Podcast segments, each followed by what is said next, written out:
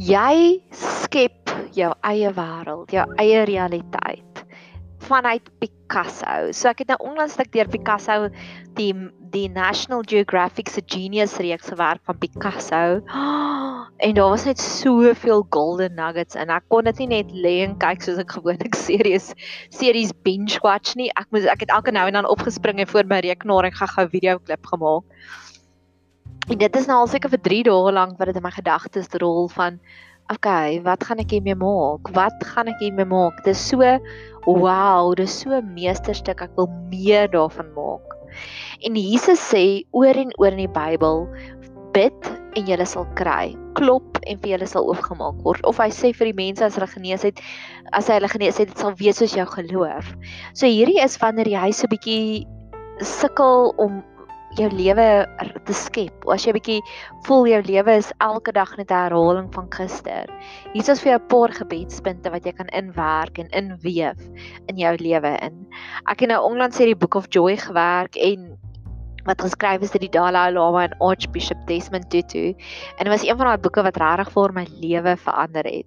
En hy begin ook om te sê elke dag is jou verjaarsdag en dit staan in Psalms ook, Psalm 2 in die Message Bible sê daar ook sê dit ook today is your birthday ask from me. En ek dink nie ons gryp regtig vir daardie realiteit aan nie. En hier is 'n paar gebedspunte wat ek uitgewerk het volgens Genius Picasso. Um die eerste een waarmee waarmee hy begin is Hy teken die heel eerste prentjie wat hy geteken het ges, of nee, nie die eerste nie. Hy het eers so 'n seentjie op 'n perd geteken en toe daarna het hy sy sussie eendag geskilder en toe kom sy sussie by hom uit en toe sê sy, oh, "Wow, kyk hoe mooi het jy my gemaak." En keer op keer deur sy lewensverhaal dan sien hy 'n vrou en ons gaan nou ook daaroor gesels en dan sê hy my wil haar skilder. En elke keer wanneer hy haar skilder dan bring hy ander punte van haar uit. En hy wys dit. En so glo ek ook ons is ook elkeen van ons is 'n kunstenaar ons het die vermoë om die mense rondom ons om hulle beste punte raak te sien en dit uit te bring te vore. Ek het jare terug op so 'n fotootjie afgekom, dis 'n foto van so 'n klip en dan die klip het so in die middel dat hy so ritsleier 'n zip in en die zip is so halfpad oopgetrek en binne in die klip sien jy die goudstukke wat daar binnekant is, die goue muntstukke. En ek glo almal van ons is so en hoe meer ons tyd ook spandeer met saam met God, hoe meer sal hy op ons identiteit vir ons uitlig.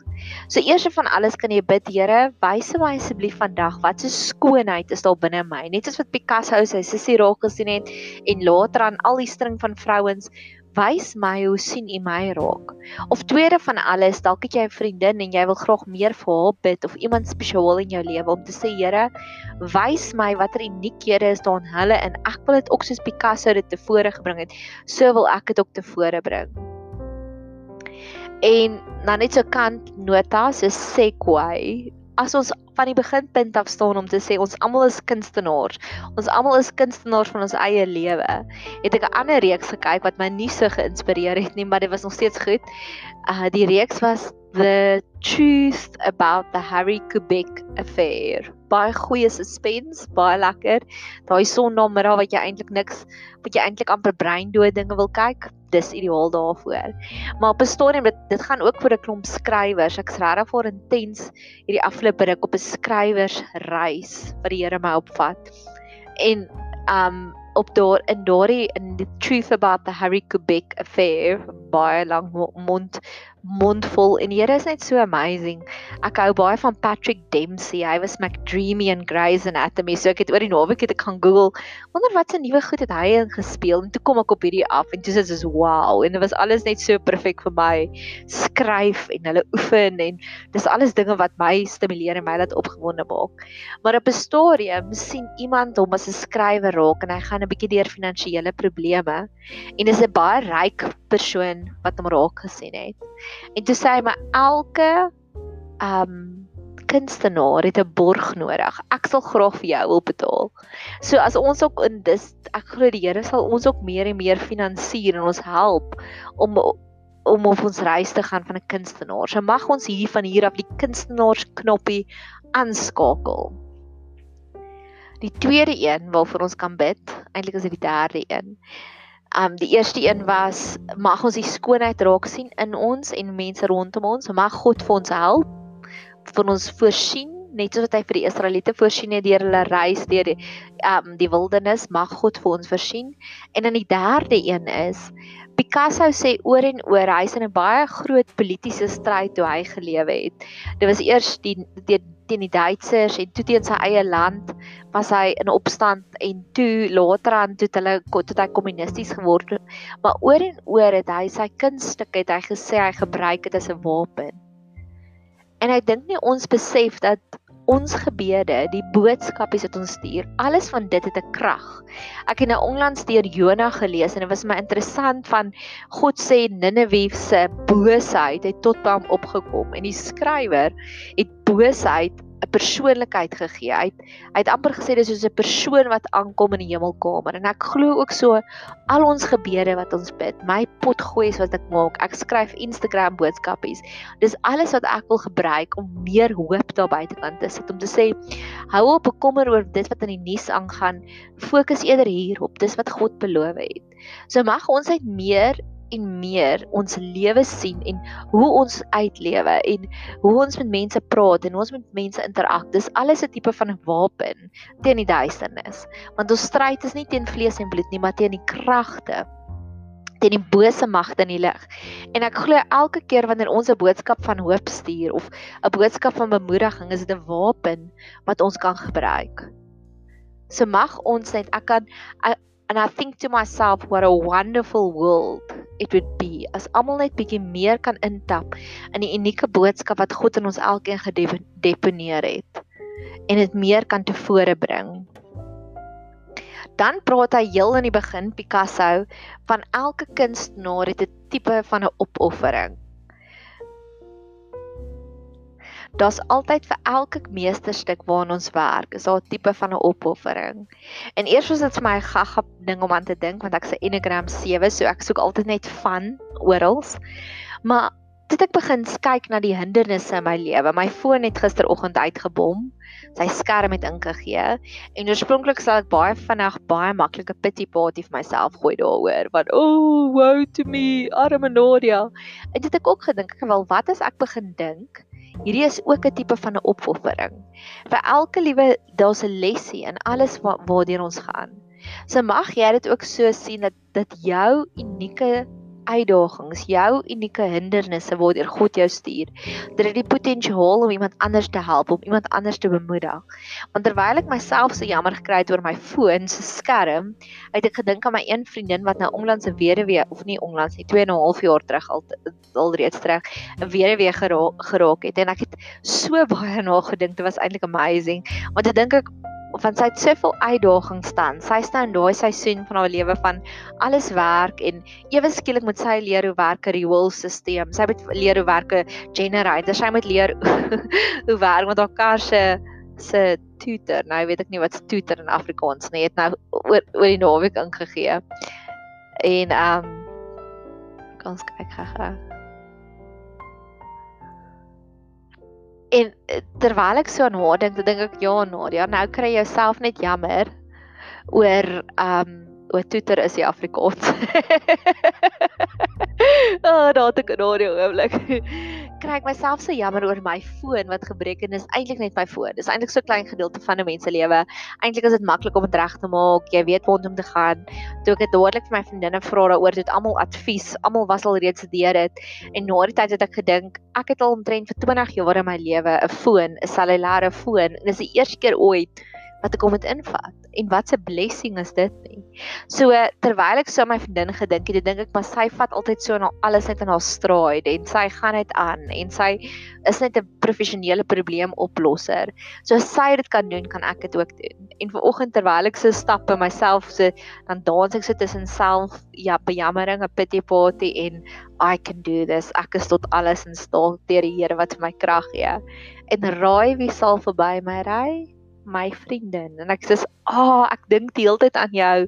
Ddd en ek vertel dan vir my storie. Ken so glo ek ons het 'n bietjie nader gegaan want die oomblik wat jy 'n bietjie meer empatie het vir iemand, obviously gaan die liefde vermeerder. So, hierdie was nommer 4. Ek wil weer saamvat om te sê ek mag ons almal sien die skoonheid in almal en ons almal in ons eie lewe en in die mense rondom ons. Mag God vir ons onvoorwaardelik voorsien vir al die uitdagings waarop hy ons stuur, al die avonture waarop hy ons stuur. Mag God ons leer om ons hele lewe as 'n wapen te gebruik teen die duisternis. Om te sê ek het hierdie storie van hoop, ek het hierdie storie wat met my gebeur en mag ons minder sien dat dit hindernisse en meer net 'n uitdaging om weer 'n getuienis te gee vir God. Dan praat hulle in Picasso ook nou nog verder van die perfekte meesterstuk. Hy en een van sy vriende is, is op pad op 'n reis iewers en die vriend sê vir hom ek weet jy gaan iewers binnekort jou perfekte meesterstuk ontwerp. En mag die Here vir ons ook daardie perfekte meesterstukke gee. Ek dink aan Dawid van die Bybel wat die Here is my herder. Ek dink dit was een van sy meesterstukke want almal ken die Here is my herder. Ek dink aan Elizabeth Gilbert wat Eat Pray Love geskryf het. Dis haar meesterstuk. Ek dink aan Paulo Coelho, die geestelike skrywer wat Alchemist geskryf het en dit het hom op op die map gesit. Ek dink aan mense soos Leonardo da Vinci wat die Mona Lisa geskilder het, tussen duisende ander skilderstukke. So glo ek ons elkeen is ook op soek na ons ideale meesterstuk. En mag die Here ons net help dat ons vinnig daarby sal uitkom en dat ons dit sal bereik ook, dat ons hele lewe nie net 'n gemors wees nie. En ek het nog so 'n storie ook oor dit, um die perfekte meesterstuk. Ek doen 'n hele paar goeders op sosiale media. En dit is so lekker as jy die golden spot getref het. Dis soveel motivering. Ek plaas 'n hele paar goetertjies op Facebook. Ons het 'n bediening en by die bediening doen ek die sosiale media en daar's sekere boodskapies wat net viral gaan en dit word herhaaldelend geshare. En mag die Here net vir ons meer en meer van dit gee want dis daai tipe van sweet spots wat ons bereik wat vir ons die energie gee en die krag gee om net meer en meer van ons lewe vir die wêreld te gee. Of ek het ek het 'n YouTube 'n bladsy ook. En um daarop het ek eendag oor 'n vriendin van my wat met my kom gesels het oor salwing en ons het hierdie intense gesprek en ek het eintlik besef maar daar's soveel mites en fundies en nonsens daar buitekant oor salwing. Ek wou 'n 'n pot gooi of 'n YouTube video maak juis om te sê dis hoekom jy jou huis moet salf. En dis dis by verre my mees gewildste uh, YouTube video op hierdie stadium. En ek weet ek gaan nog die sweet spot bereik met die pot gooi so ook. Ek het nog 'n een wat al uh, kop en skouers bo die res uitstaan nie. En jare terug toe ek begin het my intieme pad met die Here, het ek begin met 'n blog, net wat ek geskryf het. En daarop het ek ook met 'n vriendin wat 'n navraag vir my kom gegee het van bid asseblief vir die onderwysers. Het ek baie intens stil geraak daaroor. En daardie spesifieke blogartikel het baie baie gewildheid bereik. En 'n sulkes wat jy die sweet spot tref, wat jy dieselfde resep oor en oor doen, wat jy net soos dink wow en dit gee vir jou soveel motivering weer eens om aan te gaan. So, die volgende punt is Hierdie was my die mooiste quote en ek dink dis hoe ons elkeen is. Elkeen van ons as gelowiges met hierdie quote is dit ons in to retreat from the banal to bask in the brutal beauty of existence and mortality. Ek glo God is die God van skoonheid en daagliks maak hy alles vir ons mooi. 'n Mooi sonsopkoms, 'n voeltjie wat mooi sing, 'n mooi veldblommetjie. Mag ons net meer en meer so die skoonheid sien in alles rondom ons mag ons to retreat from the banal. In plaas daarvan om net te sien nou is dit net nog 'n geleentheid vir my om my skorrel goed te was. Mag ons die skoonheid in dit ook raak sien. Mag ons die godly oomblik in dit ook raak sien. Baie keer het veral terwyl ek soveel baie potgoeis maak, maak ek gewoonlik een en dan rus ek tussendeur. En dan sal ek skorrel goed was of my klere ophang of ietsiekie doen. Dis gewoonlik in daai oomblik wat die Here weer vir my he refreshes my soul. So mag ons minder die gewone dinge in die lewe ek wil nie sê raak sien nie, maar mag ons meer die die die skoonheid in die gewone dinge raak sien. Hierdie was ook vir my 'n besonderse mooi quote. En ek gaan dis dis die tweede laaste een. An artist must always see beneath the surface.